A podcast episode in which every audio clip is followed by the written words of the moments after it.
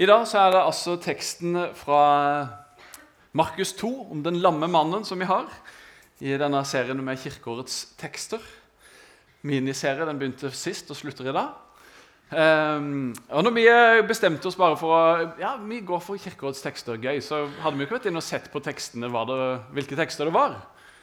Men uh, vi fant, uh, fant det, da. Uh, og så leste jo jeg denne teksten her, og så tenkte jeg ah, er det den? Det var jo litt kjedelig, det. Det er jo sånn søndagsskoletekst, liksom.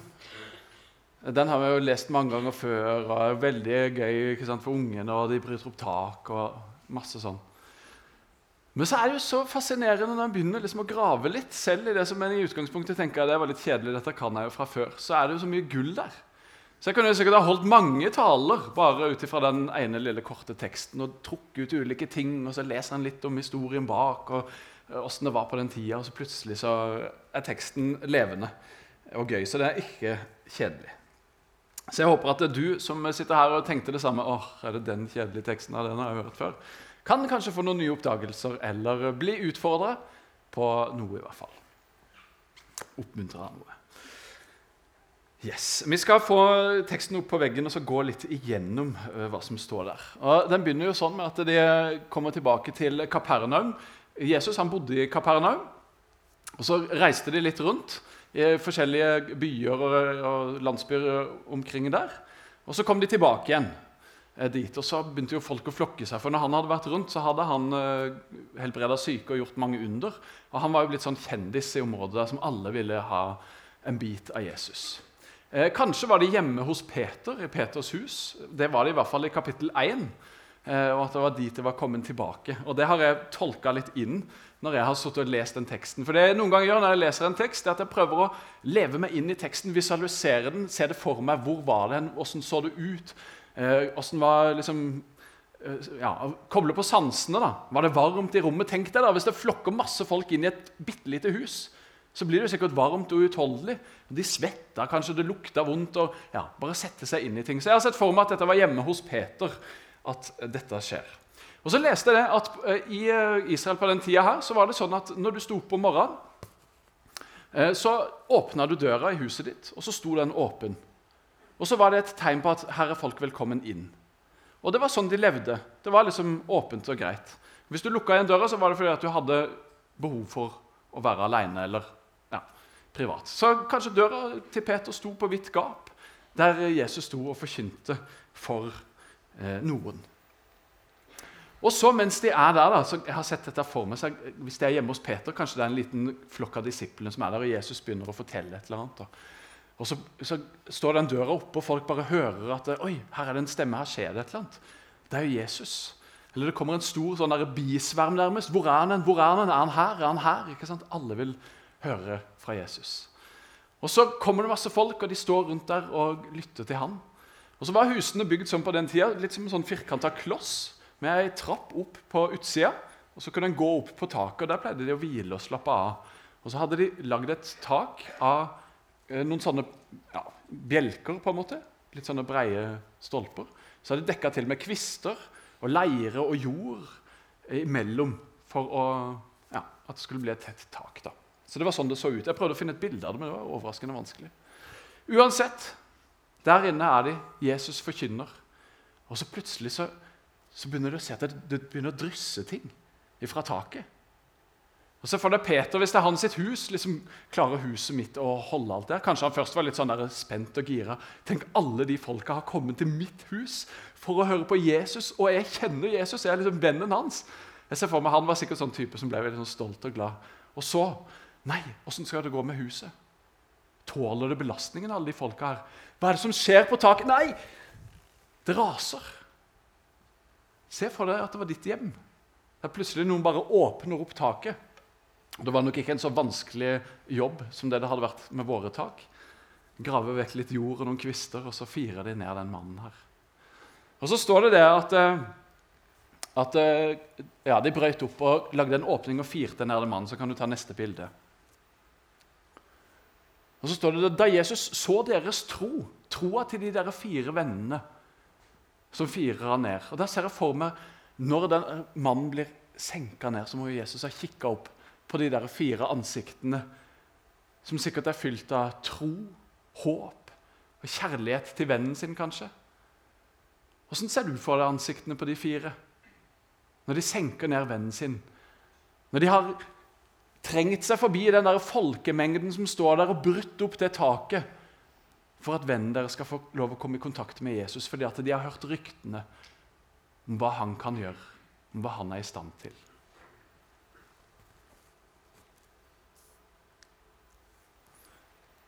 Og så sier Jesus noe til denne lamme mannen som jeg syns er fryktelig rart, egentlig. I hvert fall var det det inntil jeg studerte enda mer med den teksten. her. Sønn, syndene dine er tilgitt. Det var ikke det han skulle si. Han skulle jo si det han sier litt seinere. Stå opp, ta båra di og gå hjem. Han gjør det jo i helt feil rekkefølge. Er, er dere enige med meg i det? på en måte? Det er, det er jo veldig merkelig ting å begynne med å si. Her kommer det en lam mann. Det er helt tydelig at vennene hans vil at han skal bli frisk. Og så sier Jesus syndene dine er tilgitt. Greia med det er at på den tida her så kobla de synd og sykdom sammen. Så Hvis du hadde en sykdom, hvis du var lam, så var det fordi at du hadde synd i livet ditt. Det var en straff fra Gud for den synden du hadde gjort.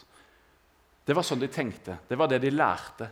Det var sånn de så på situasjonen. Det var helt sikkert sånn den lamme sjøl opplevde det. Det er derfor jeg er lam. Fordi at jeg er en synder. Jeg har gjort noe som jeg ikke burde. Og dette er det jeg må leve med. Det er min straff. Og Da plutselig åpner jo Jesus hele situasjonen, både for den lamme og for alle som hører på. Han kan jo ikke bli frisk hvis han er en synder. Og han er jo syk fordi han er en synder. Det er jo sånn de tenker om situasjonen. Så Jesus han åpner hele situasjonen egentlig for alle. For nå først så tilgir jeg deg syndene dine. Og det gjør meg jo i stand til å lege sykdommen din òg, for da har du ikke noe hinder lenger. Ikke sant? Plutselig så gir det mening. Og så er det da at det står at det er noen skriftlærde som sitter der. Og Blant de skriftlærde det var jo sånne religiøse ledere, så hadde de et slags sånn politi som kaltes Sanhedrin. Og Der reiste sikkert rundt, kanskje de har fått høre om Jesus det, og tenkte de må på å sjekke ut han her typen. Hva er det han holder på med? Holder han, eh, ja, Gjør han ting riktig her? på en måte? Og så hører de at han sier at han tilgir noen synd. Det er kun Gud som kan tilgi synd. Det vet de veldig godt. Det vet alle de andre som er der. Det står det i Bibelen.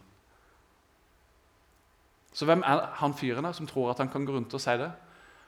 Og Det å hevde at du er Gud, det er liksom det verste du kan gjøre. da.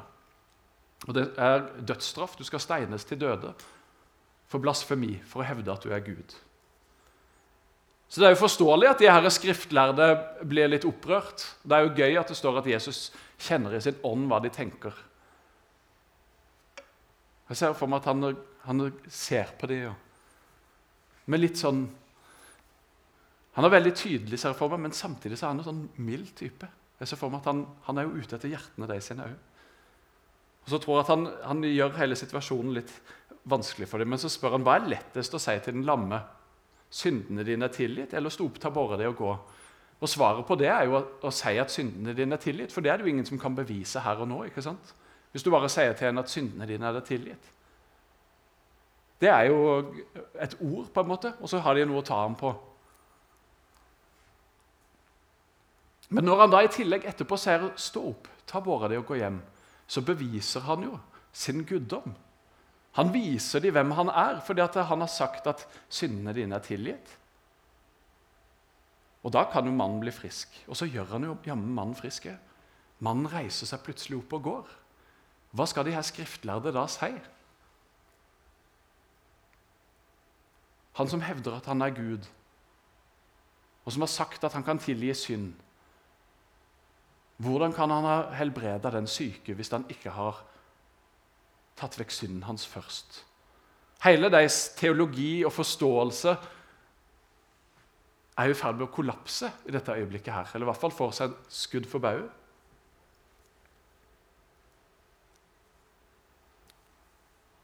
Jesus han er jo ikke så dum. Han vet jo hva han holder på med.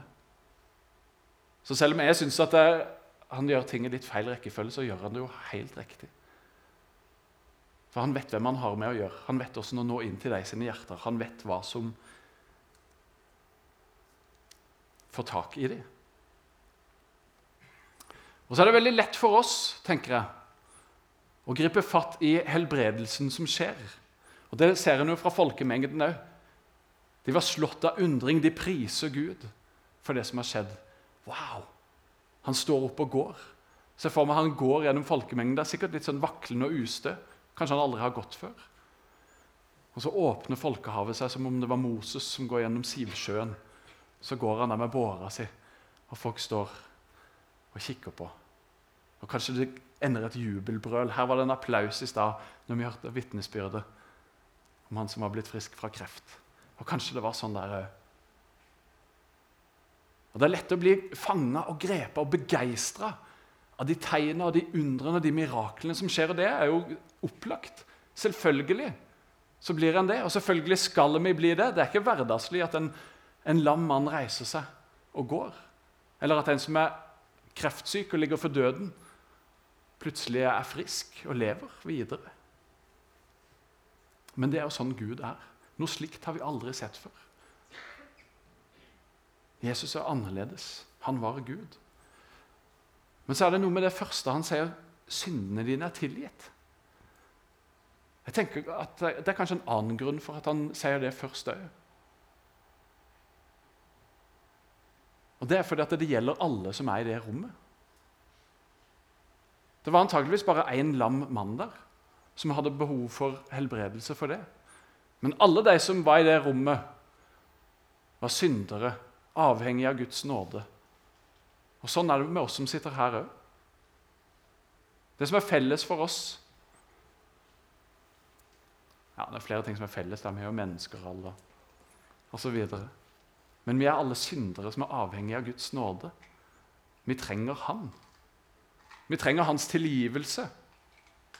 Og det er bare Han som kan gi den til oss. Så Jesus han er ikke bare opptatt av det ytre, opptatt av vår kropp her og nå og det livet vi lever nå. Han er opptatt av evigheten. Og Det eneste som eh, leder oss inn i evigheten, det er at vi får sagt den setningen over oss. Sønn, datter, syndene dine er tilgitt. Og Det sier han til du og meg i dag. Syndene dine er tilgitt. Du er fri. Du er frelst. Du er gjort hel, som ordet 'frelst' betyr. Og Så viser han det for alle og for den lamme mannen helt sånn fysisk òg, med kroppen hans. Han gjør ham på en måte hel igjen. Men det han sier til oss, det er at du er tilgitt. Syndene dine er tilgitt. Det som stenger deg ute fra Gud og Hans rike, som stenger deg ute fra en evighet med Han og fra fellesskap med Han her og nå, det er syndene våre. Det er feilene våre. Og det sier han til du og meg, at jeg er tilgitt. Han har jo ikke dødd på korset enda heller. Det er jo der han på en måte betaler for syndene våre og tar straffen på seg. Men allerede før det har skjedd, så går han og sier at syndene våre er tilgitt. Og Kanskje det har noe med vår stilling innenfor Gud. Gud ønsker å si til oss at 'jeg tilgir deg', 'jeg tar imot deg', 'jeg står med åpne armer'. og Det var det Jesus kom for å vise. Det var det han kom for å forkynne. Det var det han kom og gjorde tilgjengelig for oss. Og så handler det om at vi må ta imot og si ja. Jeg vil ha den gaven. Jeg vil ta imot tilgivelsen. Den friheten, den freden og den gleden. Jeg er overbevist om at han lamme som ikke lenger var lam, og som gikk og bar på den båra som en sånn minnestein om hva Jesus har gjort i livet hans. Han gleder seg ikke bare over at han plutselig kan bruke beina sine igjen. Men han er fylt av en fred og en glede og en visshet på innsida om at han er elska av Gud, han som har skapt alt. At hans synder er gjort opp for, at han er tilgitt, at han er fri.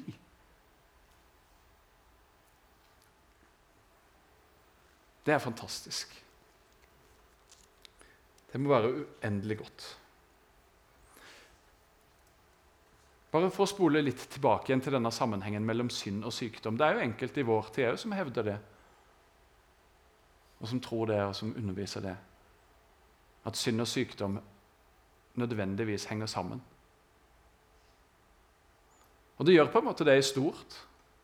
Fordi at Hvis synd ikke hadde fantes i verden, så hadde det ikke fantes sykdom. For det var jo når synden kom inn, at alt det onde kom inn. Er jo sykdommen.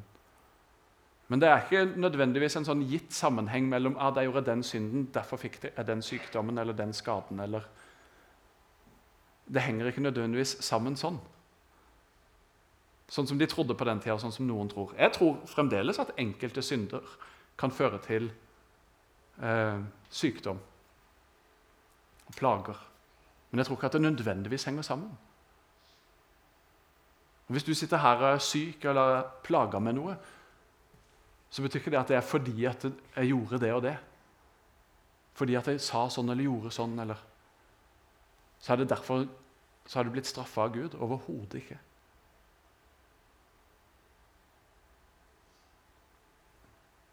Gud er ikke sint på deg.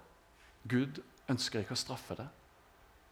Men Gud er en kjærlig og god Gud som ønsker å gi deg tilgivelse, som ønsker å gi deg nåde, som ønsker å gjenopprette deg og gjøre deg heil. Først og fremst på innsida. Først og fremst i hjertet ditt.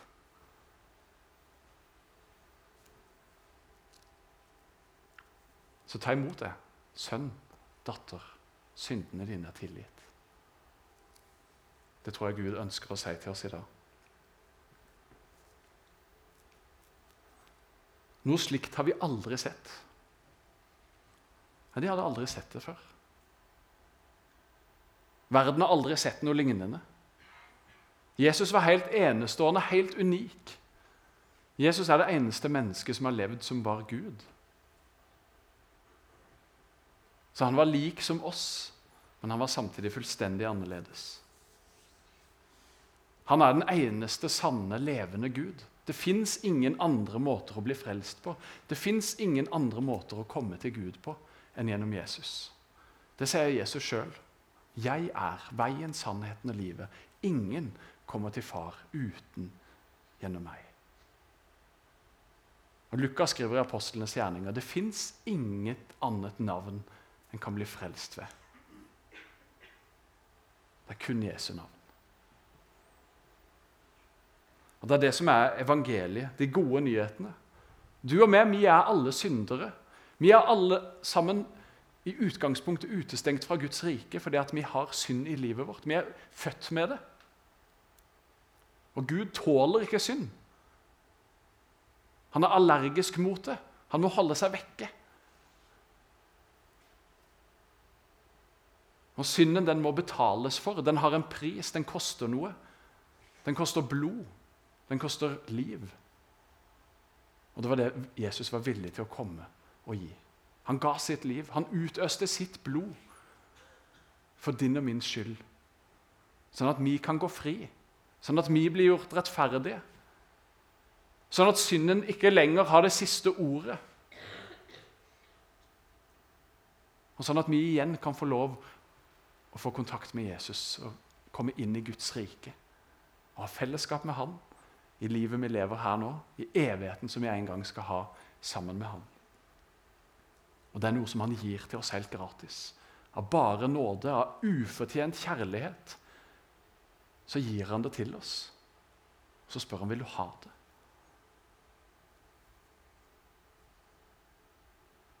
Vil du ha tilgivelse for syndene dine? Vil du bli gjort heil? Vil du ha et nytt liv? Sammen med meg, jeg som er himmelens og jordens skaper. Han gir det til oss. Så er det opp til oss å ta imot. I dag skal vi dele nattverd sammen, feire nattverd. Feire det som Jesus gjorde for oss. At han døde på korset.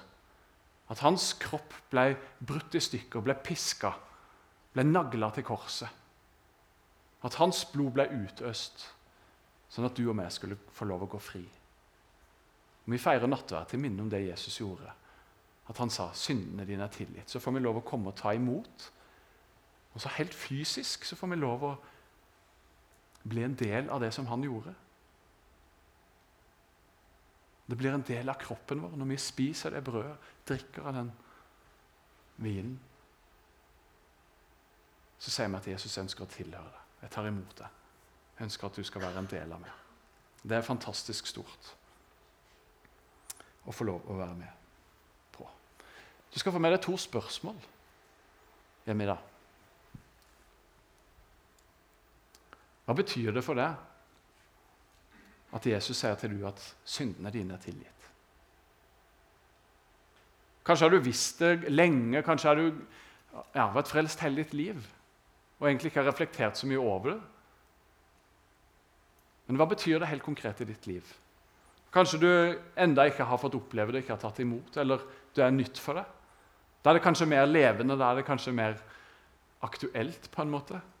Men det er det for oss alle. Åssen klinger de orda i ditt hjerte? Hva betyr det for deg? At Jesus sier til akkurat du Sønn, syndene dine er tilgitt. Datter, syndene dine er tilgitt. Det neste spørsmålet mitt det er hvem kan du hjelpe til Jesus? Jeg har ikke brukt særlig tid på det i, i talen, men jeg kunne brukt mye tid på det òg. Det som de fire vennene gjør. De bærer vennen sin til Jesus. Fordi at de har tro på at han kan gjøre noe. Hvem i ditt liv kan du, og kanskje noen av dine venner, bære sammen til Jesus?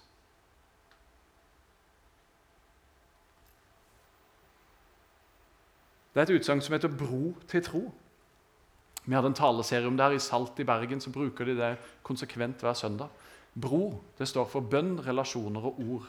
Hvem kan du be for? Hvem kan du bygge relasjoner til? Hvem kan du dele ord med? Som ikke kjenner Jesus.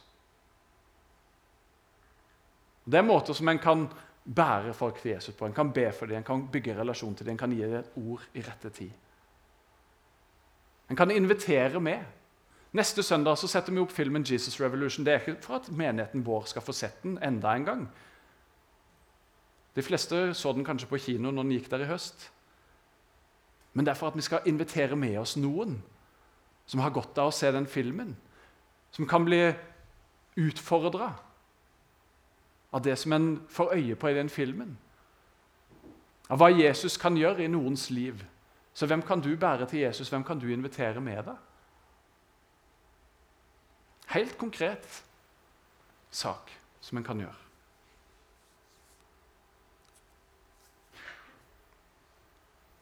Lovsangerne kan uh, komme fram, og så skal vi høre en sang eh, som heter 'Helhjerta', før vi skal dele nattverd.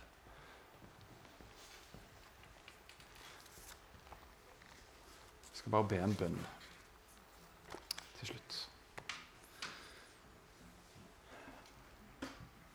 Jesus, jeg takker deg. Takk for at du kom for å gi oss liv og overflod. Takk for at du er den eneste som vi kan bli frelst ved. Takk for at du ønsker å gjøre oss heil. Takk for at du tilgir oss våre synder, våre feil, våre mangler. På de områdene der ikke vi strekker til, så har du allerede strukket til.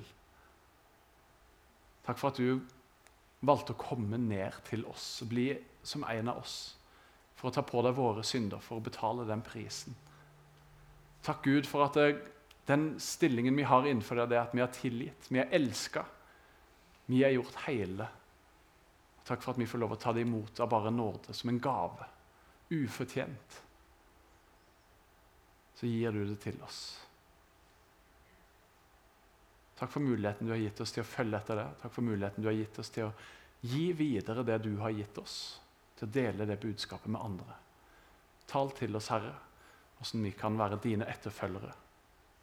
Hvordan vi kan gi ditt budskap, ditt evangelium, dine gode nyheter om at, eh, at syndene er tilgitt til mennesker rundt oss. Vis oss hvem vi skal bære til deg, Jesus.